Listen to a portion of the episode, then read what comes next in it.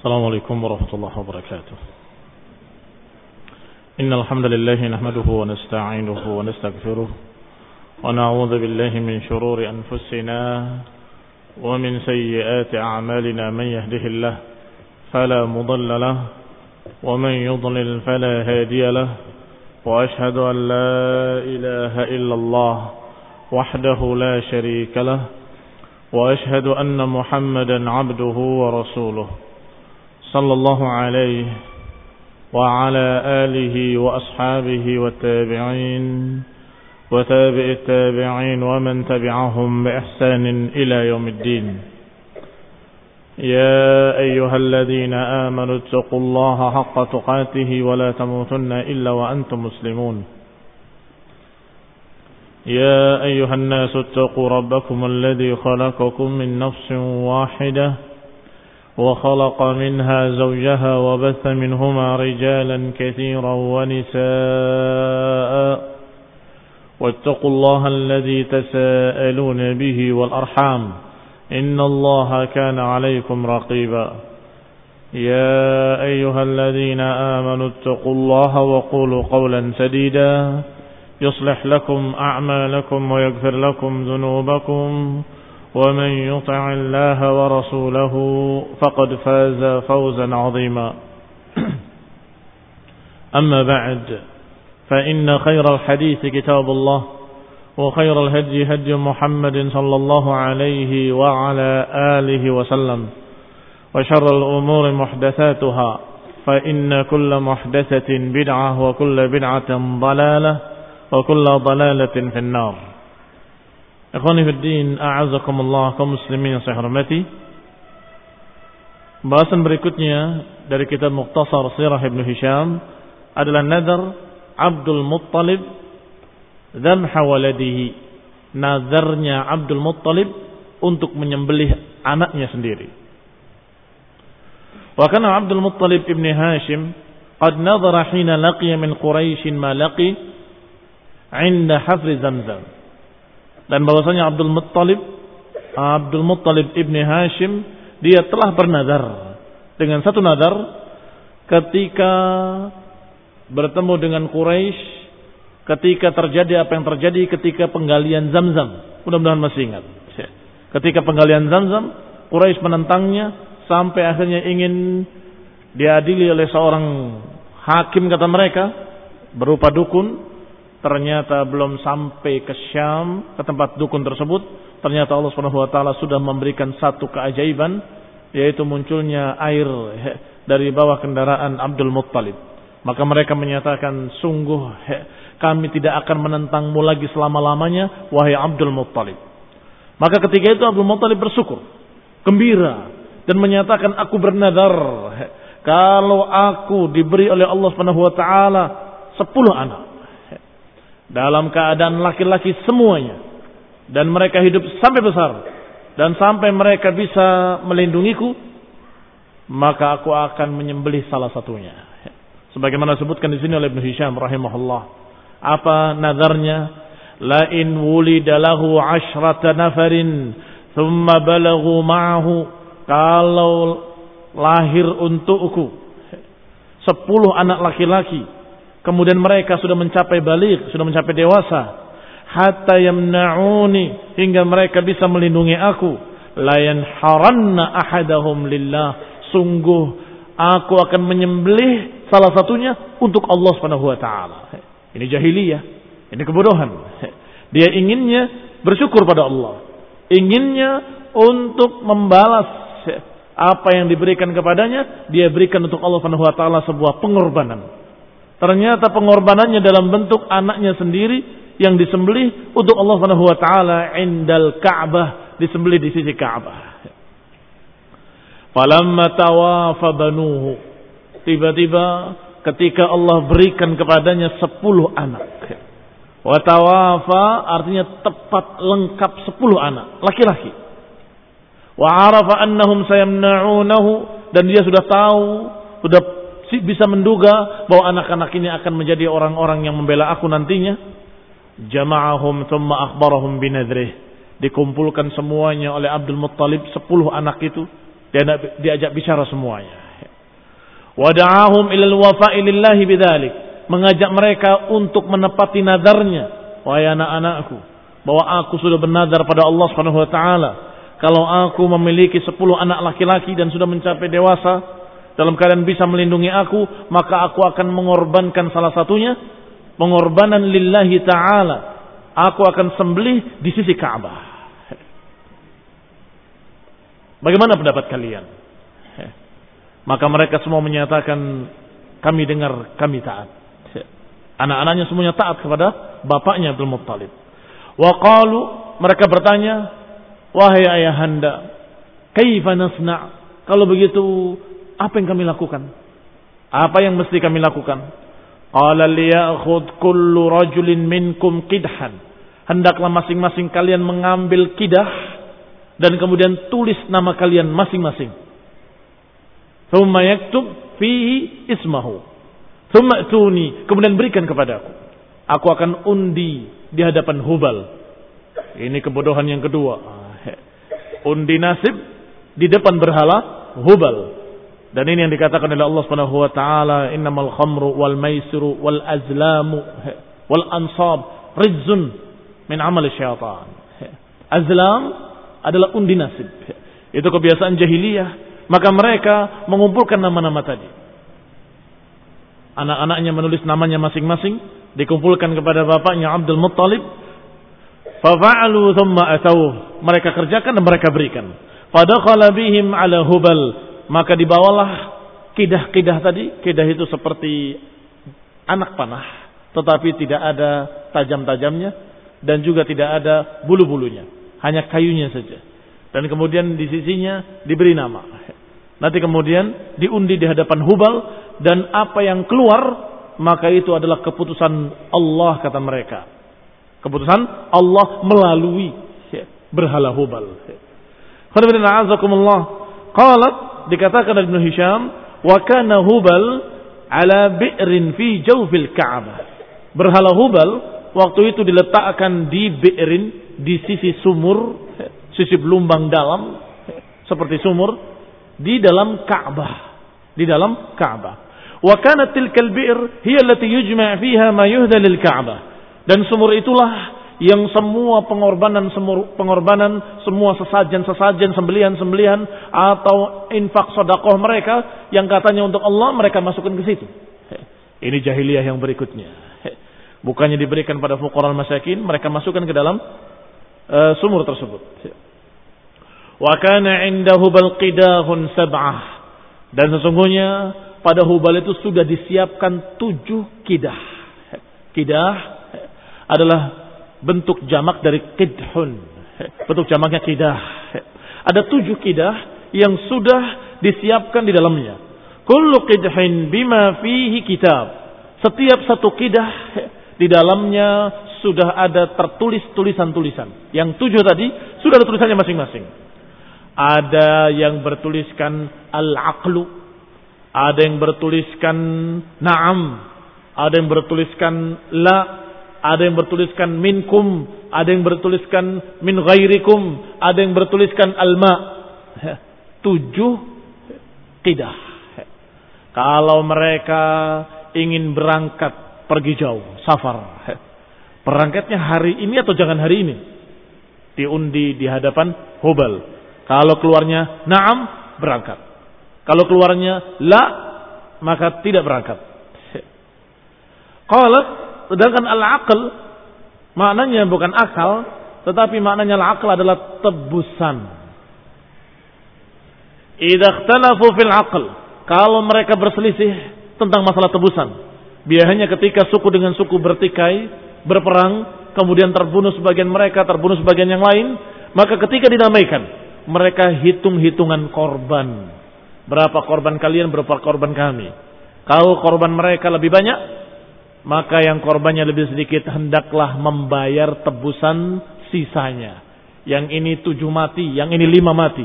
Berarti sisa dua. Maka yang matinya lima, dia membayar tebusan dua orang kepada mereka. Nah, tebusan itu dikatakan al-aql. Man yahmiluhu minhum? Siapa yang memikulnya? Kalau sudah dikatakan kalian ternyata yang terbunuh cuma lima. Berarti kalian harus membayar diat membayar tebusan dua orang. Suku tersebut banyak. Dan siapa yang harus bayar? Yang tadi bunuh siapa? Tidak tahu. Namanya perang. Tidak tahu yang siapa yang membunuh. Ketika mereka berselisih, ribut. Maka dikumpulkan mereka di hadapan Hubal. Diundi. Satu-satu. Ketika orang itu mengundi keluarnya akal, kamu yang harus menebusnya. Kamu yang harus membayarnya. Itu al-akal.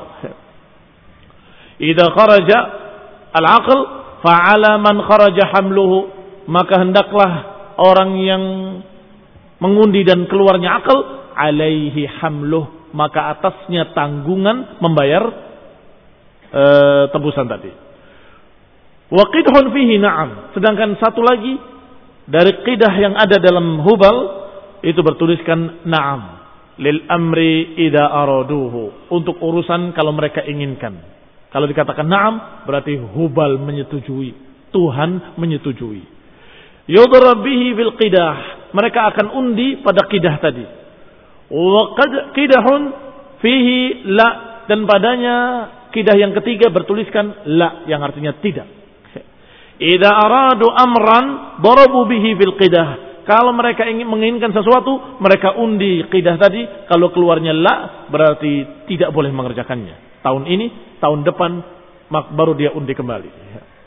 Fa in kharaja dzalikal qida lam yaf'alu dzalikal amr.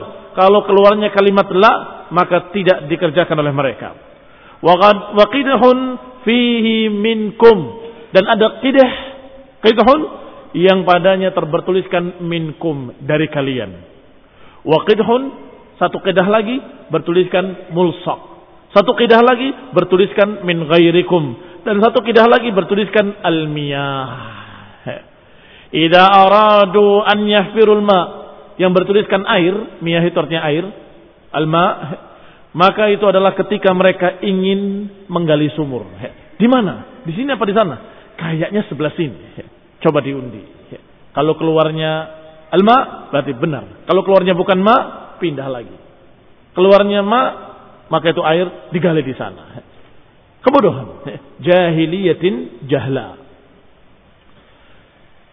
Wa fi dzalikal kidah Fahina makharaja amilu bih. Kalau keluar kalimat miyah, maka mereka menggali sumur tersebut.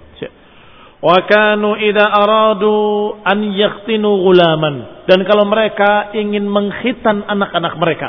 Jadi mereka sudah kenal khitan sebelumnya. Memang itu adalah fitrah. Sunanul fitrah, sunnah fitrah. Sehingga di zaman jahiliyah pun mereka sudah menghitan anak-anak mereka. Kalau mereka akan menghitan anak-anak mereka atau menikahkan mankahan, menikahkan anak-anak mereka, au yadfinu mayyitan atau mereka akan menguburkan orang mati mereka, au syakku fi nasabi ahadihim atau mereka ragu terhadap nasab salah seorang mereka. Maka mereka pun mengundi di kidah tadi di depan berhala Hubal. Zahabu bihi ila Hubal. Mereka pergi ke Hubal. Wa bimi'ati dirhamin wa jazur. Mereka membawa seratus dirham dan mereka membawa unta untuk dikorbankan. Setelah menyumbang seratus dirham dan kemudian mereka menyembelih unta, mereka undi. Apakah acara ini pas hari baik atau hari jelek? Itu jahiliyah. Fa'atauha sahibal qidah alladhi yadrib biha. Semua tadi diberikan kepada juru kuncinya yang memegang undian tadi. Undian, undi nasib. Diberikan kepadanya uangnya, diberikan kepadanya sesajennya. Thumma qarrabu sahibahum alladhi yuriduna bihi ma yuridun. Kemudian diundilah apa yang mereka inginkan. Kalau ingin nikah ditulis di sana. Kemudian dikocok oleh mereka oleh juru kuncinya, oleh kuncennya. Nanti kalau keluarnya kalimat naam, maka jadi. Kalau kalimat la, maka tidak jadi. Mereka tunda sampai hari berikutnya. Qala ya ilahana, mereka memanggil, ya ilahana wahai Tuhan kami. Hada fulan ibni fulan qad aradna bihi kada wa kada. Wahai Tuhan kami, ini fulan ibni fulan yang menginginkan untuk menghitankan anaknya atau menginginkan untuk mengawinkan anaknya atau ingin begini ingin begitu kata wa kata Fa akhrajal haqqa, maka keluarkanlah kebenaran. Pilihkanlah yang terbaik. Thumma yaquluna li sahibil qidah. Kemudian berkata kepada juru kuncannya, pemegang undian tadi, "Idrib, kocok." Undiannya. Fa in kharaja alaihi dan kalau keluar minkum kana minhum wasitan. Nah, demikian pula ketika mereka ragu terhadap nasab. Apakah ini orang termasuk suku kami atau bukan? Atau mungkin mereka suku lain. Atau dia suku orang yang bergabung dengan kita. Yang bergabung disebut halif. Juga diundi di sana. Dengan kalimat minkum dan min ghairikum dan mulsak. Tiga. Kalau minkum keluarnya berarti itu dari kalian. Suku kalian, nasab kalian. Kalau ternyata min ghairikum maka berarti bukan dari kalian, bukan nasab kalian, bukan dari suku kalian. Kalau keluarnya mulsak digabungkan bersama kalian, bukan dari suku kalian. Karena ala manzilatihi fihim. La nasab lahu wala halif. Tidak ada nasab baginya, tidak ada halaf atau halif. Wa in kharaja fihi syai'un mimma ya'maluna bihi, na'am. Kalau apa yang mereka akan kerjakan keluar na'am, maka mereka kerjakan. Amilu bihi. Wa in kharaja la, kalau keluar la, maka mereka akharuhu am amata dzalik. Mereka tunda tahun itu sampai tahun berikutnya. Hatta ya'tuhu bihi marratan ukhra. Sampai tahun berikutnya mereka undi lagi. Kalau diundi kalimatnya la lagi, maka tunggu sampai tahun berikutnya undi lagi, nggak kawin-kawin. Ya, ditunda terus. Ini kebodohan mereka. Undi nasib kepada Hubal. Yantahuna fi umurihim ila dhalika mimma kharajat bihil qidah. Mereka melakukan apa yang mereka inginkan, mereka mengerjakan apa yang mereka rencanakan, semuanya berdasarkan undi nasib di hadapan Hubal. Faqala Abdul Muttalib di sahibil qidah. Maka Abdul Muttalib membawa kidah-kidah tadi ke juru kuncen pemegang kidah-kidah Hubal. Berapa kidah Hubal tadi? Tujuh. Berapa? Kidahnya ada berapa? Tujuh. Apa saja tulisannya?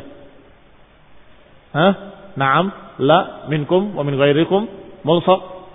Kemudian miyah. Apa lagi? Hah? al-aql. Nah. Tetapi Abdul Muttalib datang dalam keadaan membawa kidah sendiri. Tidak dengan tujuh kidah tadi. Dia membawa kidah sendiri kemudian berkata kepada juru kuncennya, "Idrib ala baniya haula biqidahihim hadhihi." Undilah anak-anakku dengan kidah mereka masing-masing ini. Wa akhbarahu binadarihi alladhi nadar. Kemudian Abdul Muttalib mengkhabarkan nadarnya bahwa aku bernadar ingin berkurban menyembelih anakku untuk Allah Subhanahu wa taala salah satu dari mereka. Maka undi kidah-kidah ini. Fa'atahu kullu rajulin minhum kidahahu alladhi fihi ismuhu. Maka masing-masing anaknya memberikan kidahnya kepada si juru kunci tadi masing-masing yang bertuliskan namanya masing-masing. Wa kana Abdullah asghar bani abihi. Di antara sepuluh anak tadi, ada anak yang bernama Abdullah. Abdullah ini paling baiknya. Paling kecil, paling baik, paling penurut. Dan paling disayang oleh bapaknya. Karena ahabba waladi Abdul Muttalib. Ahabba, ini paling dicintainya, paling disayang oleh bapaknya. Fakana Abdul Muttalib yara anna sahm idha akhta'ahu faqad ashwa. Dan kata Abdul Muttalib dalam hatinya, sungguh kalau saja undian ini Abdullah meleset daripadanya, maka selamat Abdullah. Jadi dia hanya berpikir tentang Abdullah. Kalau yang lainnya kena terpilih nggak masalah. Tapi dia pikirkan bagaimana kalau kena Abdullah karena yang paling dicintainya, yang paling disayang. Falamma akhadha sahib al-qidah al-qidah liyadrib qama Abdul Muttalib inda Hubal. Ketika sahibul qidah juru kunci yang memegang kidah tadi sudah mulai akan mengundinya, akan mengocoknya, maka Abdul Muttalib berdiri di sisi Hubal, di sisi Hubal, tetapi berdoanya kepada Allah, ya Allah. Karena mereka menganggap berhala-berhala tadi hanya perantara. Dan Abdul Muttalib menginginkan yang lebih tinggi. Tidak hanya perantara perantaranya, tapi kepada Allah SWT. Maka dia berdoa kepada Allah dengan apa yang diucapkannya. Tidak disebutkan dalam kitab kita ini. ثم ضرب صاحب al-qidah القدح على al-qadh. Maka diundilah. Ternyata keluar sahamnya sahmu Abdullah ibni Abdul Muttalib. Yang keluar adalah kidahnya Abdullah anak yang paling dicintainya. Maka Abdul Muttalib akhadahu biyadih. Mengambil tangannya Abdullah. Wa akhada syafratan. Mengambil syafrah, pisau yang sangat tajam yang biasa dipakai untuk menyembelih. Ya. Thumma aqbala bihi ila Isaf ilah. Dan kemudian membawa Abdullah ke sisi berhala Isaf dan Nailah. Dua berhala ini konon katanya. Wallahu ta'ala alam. Diriwayatkan bahwa dua berhala ini yang namanya Isaf dan Nailah adalah berhala laki-laki dan perempuan yang asalnya adalah dua pemuda-pemudi yang berzina di sisi Ka'bah. Kemudian terkena kutukan karena menghinakan Ka'bah, tiba-tiba keduanya jadi batu dan kemudian dijadikan sebagai berhala. Konon ceritanya. Wallahu taala a'lam. Namanya Isaf, yang kedua Nailah. Maka dibawa ke sisi berhala Isaf dan Nailah lihat bahahu untuk menyembelih Abdullah. Faqamat ilaihi Quraisyun min andiyatihim. Maka bangkitlah tokoh-tokoh Quraisy dari tempat-tempat majlis-majlis mereka, dari andiyah mereka. An Nadiyah, atau andiyah adalah bentuk jamak dari nadwa. Nadwa itu tempat pertemuan mereka, tempat majlis-majlis mereka. Mereka bangkit serta-merta dan kemudian datang kepada Abdul Muttalib, aqbala bihi ila Isaf mereka datang, qalu, "Mada turid ya Abdul Muttalib?"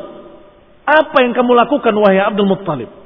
Apa yang kau inginkan dengan anakmu ini dan pisaumu itu?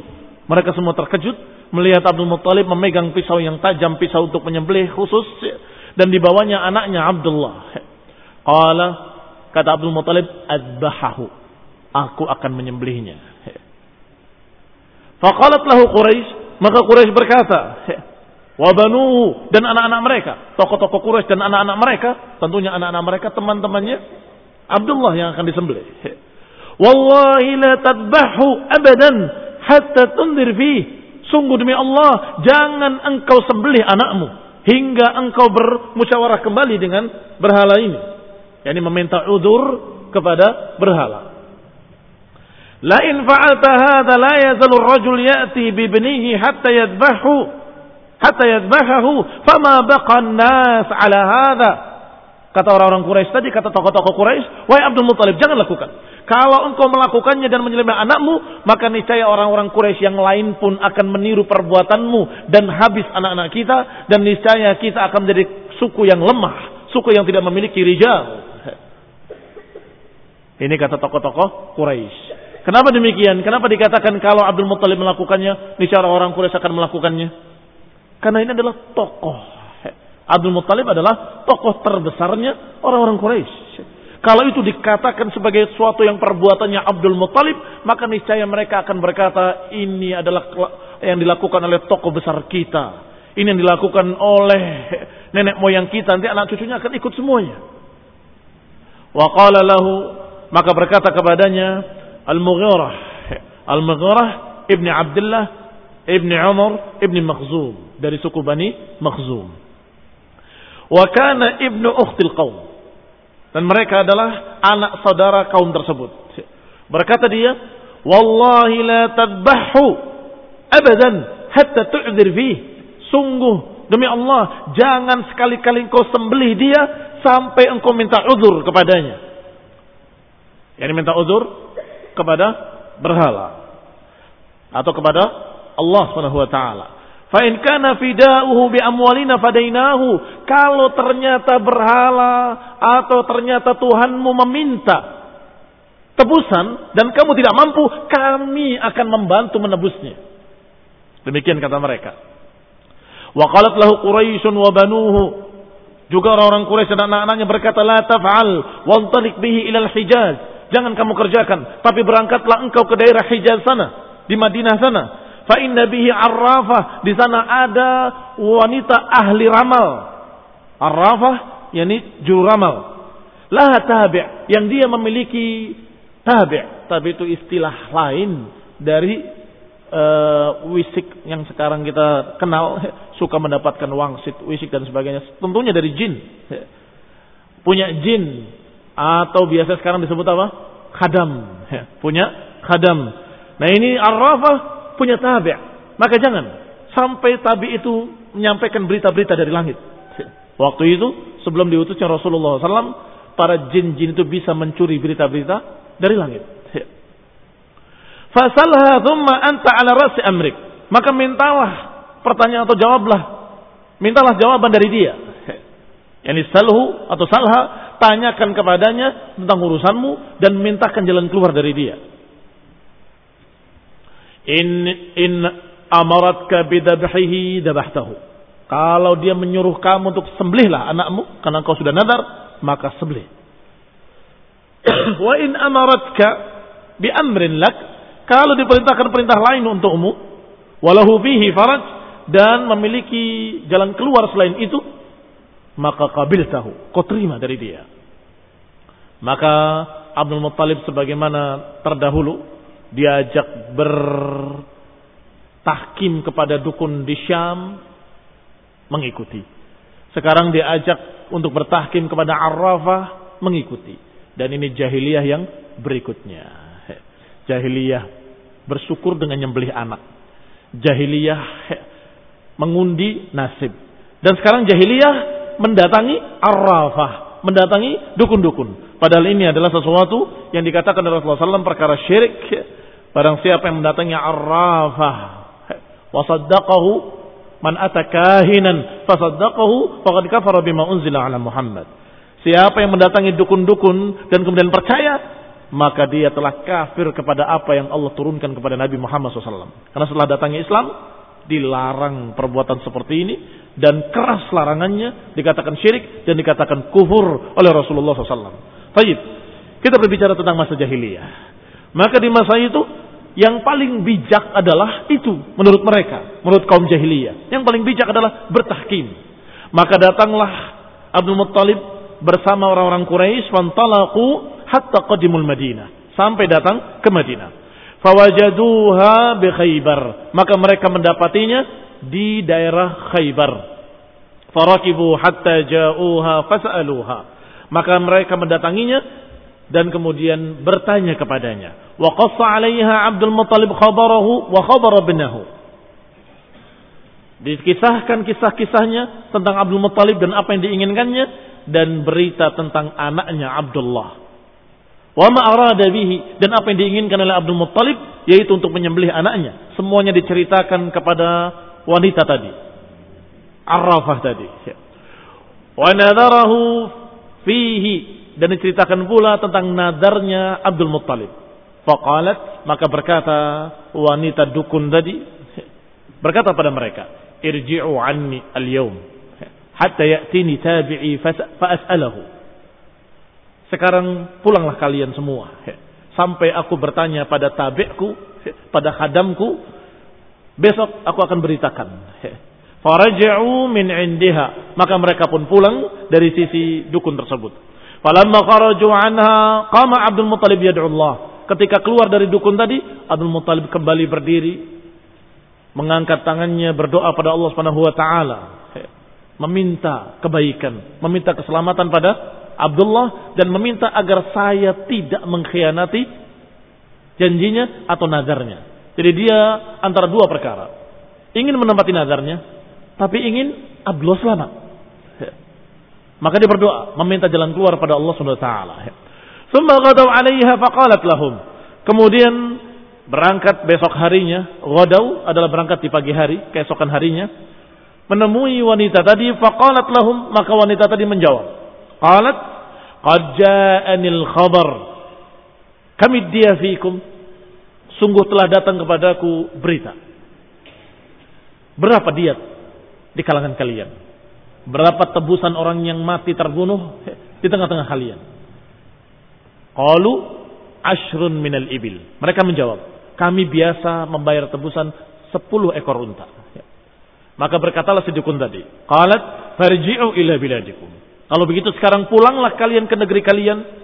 Qarribu sahibakum wa qarribu ashran minal ibil. Dan undilah sahibakum hadha, anakmu ini, temanmu ini, ini Abdullah, undi dengan sepuluh ekor unta sebagai tebusan. Dan undilah di depan Tuhan kalian katanya. Famadribu alaiha wa alaihi bil qidah. Undilah antara keduanya dengan kidah. Fa'in kharajat ala sahibikum kalau keluarnya adalah Abdullah sahibikum maksudnya Abdullah. Kalau keluarnya sahibukum teman kalian ini zidu minal ibil tambah untanya. Hatta yarda rabbukum sampai Rabb kalian ridha. Wa in kharajat alal ibil kalau keluarnya unta maka sembelihlah unta sesuai dengan bilangannya. Faqad radiya rabbukum wa naja sahibukum. Maka dengan itu Rabb kalian ridha karena engkau telah menetapkan nadarmu dan juga sahibukum selamat. Teman kalian, anak kalian selamat. Paham jawabannya? Ya, ini undilah antara Abdullah dengan 10 ekor unta. Karena diat kalian 10. 10 ekor unta. Kalau keluarnya diat berarti diridhoi oleh Rob kalian untuk menebusnya dengan 10 ekor unta. Abdullah selamat. Kalau ternyata keluarnya Abdullah berarti tidak cukup kalau cuma 10, tambahi 20. Dan terus seperti itu. Fakharaju hatta qadimu Makkah, maka mereka pulang kembali sampai ke Mekah. Falamma ajma'u ala dhalika min al-amri qama Abdul Muttalib yad'u Allah. Ketika mereka sudah sepakat untuk mengundi kembali, maka qama Abdul Muttalib, Abdul Muttalib kembali berdiri dan berdoa lagi kepada Allah SWT. Thumma qadima Abdullah wa ashran minal ibil. Kemudian diajukanlah Abdullah dengan sepuluh ekor unta. Wa Abdul Muttalib qa'imun inda Hubal, yadullahi azza wa jal. Sedangkan Abdul Muttalib berdiri di sisi Hubal, berdoa kepada Allah Subhanahu wa taala. Sedangkan mereka mengundi. Yang ini mengundi, yang ini berdoa terus. Fumawdarabu, maka diunjilah, dikocok antara dua tadi. Fakharajal qidhu ala Abdullah. Ternyata yang keluar Abdullah. Fazadu ashran minal ibil. Maka ditambah sepuluh ekor unta lagi. Fabalagatil ibilu ishrin. Maka jadilah sekarang dua puluh ekor unta. Satu kidah ditulis Abdullah satu kidah ditulis 20 ekor unta. Wa qama Abdul Muttalib Allah. Maka Abdul Muttalib berdiri lagi, berdoa lagi pada Allah SWT. Thumma darabu fa qidhu ala Abdullah. Maka diundi lagi, dikocok lagi, keluarlah nama Abdullah. Fazadu ashran minal ibil. Maka ditambah lagi 10 ekor unta. Fabalagatil ibilu kam? Hah? Fabalagatil ibilu Salasin. Wa qama Abdul Muttalib yad'u Allah. Maka Abdul Muttalib berdiri lagi, berdoa lagi. Kemudian di, diundi lagi, dikocok lagi dua nama tadi, nama Abdullah dengan nama 30 ekor unta. Thumma darabu faqarajal qadhu qidhu ala Abdullah. Ternyata keluarnya Abdullah lagi. Fazadu ashran minal ibil. Maka ditambah lagi 10 ekor unta. Fabalagatil ibilu. Maka ibunya mencapai kam? Kam? Enam, arba'in. Ternyata masih keluarnya Abdullah lagi. Ditambah lagi sepuluh lagi. Kam? Khamsin. Terus demikian. Tuma darabu kharaja. Fakharaja al-qidhu ala Abdullah. Keluarnya Abdullah lagi. Sampai 60. Keluarnya Abdullah lagi. Sampai 70. Keluarnya Abdullah. Sampai 80. Sampai 90. Tetap keluarnya Abdullah bin Abdul Muttalib. Sampai 100 ekor unta ditulis dan Abdullah bin Abdul Muttalib. Diundi dan dikocok, baru keluarnya seratus ekor unta. Maka mereka dukung mendukung bantu membantu untuk mengumpulkan seratus ekor unta disembelih oleh mereka sebagai kurban. Dan mereka tumpahkan darahnya di Hubal, mereka tumpahkan darahnya di sumur dan mereka bagikan dagingnya kepada mereka orang-orang yang ada di sekitar Mekah. Faqalat Quraisyun wa man hadara qad intaha qad ridha rabbaka ya Abdul Muttalib. Telah selesai telah selesai. Rabb kamu telah ridha wahai Abdul Muttalib. Rabb kamu telah ridha untuk diganti anakmu dengan seratus ekor unta. Faza'amu anna Abdul Muttalib qala la wallahi hatta adrib alaiha salasa marrat. Bahkan katanya, ya, za'amu ini maknanya adalah ada suatu za'am, ya, pengakuan. Bahkan Abdul Muttalib ketika itu masih belum yakin. Apa ridho Rabbuna? Apakah Rob kami ridho betul atau tidak ridho? Apa itu kebetulan saja? Mungkin itu cuma kebetulan. Undi lagi. Saya tidak mau. Diundi lagi keluarnya 100 ekor unta. Diundi lagi 100 ekor unta keluarnya sampai salah sama rat. Fadarabu ala Abdullah wa kama Abdul Muttalib yad'u faqaraj al-qadhu al-ibil. Abdul Muttalib berdoa kembali kepada Allah keluarnya unta lagi 100 ekor. Thumma adu thaniya, thumma adu thalitha selalu keluarnya 100 ekor unta, maka baru yakin Abdul Muttalib bahwa berarti benar-benar Allah ridha untuk diganti korbannya dengan seratus ekor unta. Fanaharat thumma tarakat la yusaddu anha insanun wala wala yamna. Maka disembelihlah kemudian dibiarkan. Tidak diambil oleh siapa pun dan dalam keadaan tidak dihalangi oleh siapa pun. Demikian apa yang terjadi pada Abdullah. Kenapa ini mesti dikisahkan dalam sirah Ibnu Hisham? Karena ini sangat berkait erat. Karena Abdullah itu bapaknya Rasulullah SAW. Kalau sampai dibunuh selesai. Tidak lahir namanya Muhammad bin Abdullah. Tetapi ketika itu terjadi apa yang terjadi sehingga selamatlah Abdullah dan kemudian lahirlah dari Abdullah seorang anak yang bernama Muhammad bin Abdullah bin Abdul Muttalib min Quraisy bin Bani Hashim min al-Arab yang dipilih oleh Allah Subhanahu wa taala sebagai Rasulullah sallallahu alaihi wa ala alihi wasallam.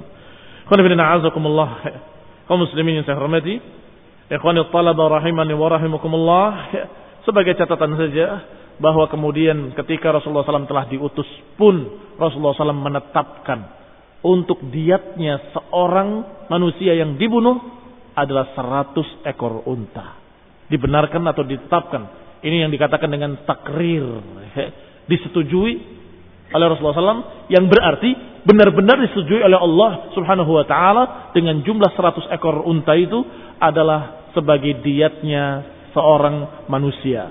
Seorang manusia. Siapa yang menabrak orang mati, maka itu adalah tidak sengaja, maka tidak dikisos, tapi membayar diat. Atau membunuh, kemudian orang yang dibunuhnya, keluarganya tidak minta kisos. Tidak apa-apa, saya maafkan untuk tidak dikisos. Saya hanya minta diat maka dibayarkan 100 ekor unta. Demikianlah hukum-hukum yang ada dalam Islam yang ditetapkan oleh Rasulullah sallallahu alaihi wasallam. Wabillahi taufiq. Subhanakallahumma hamdik asyhadu an la ilaha illa anta astaghfiruka wa atubu ilaik. Wassalamualaikum warahmatullahi wabarakatuh.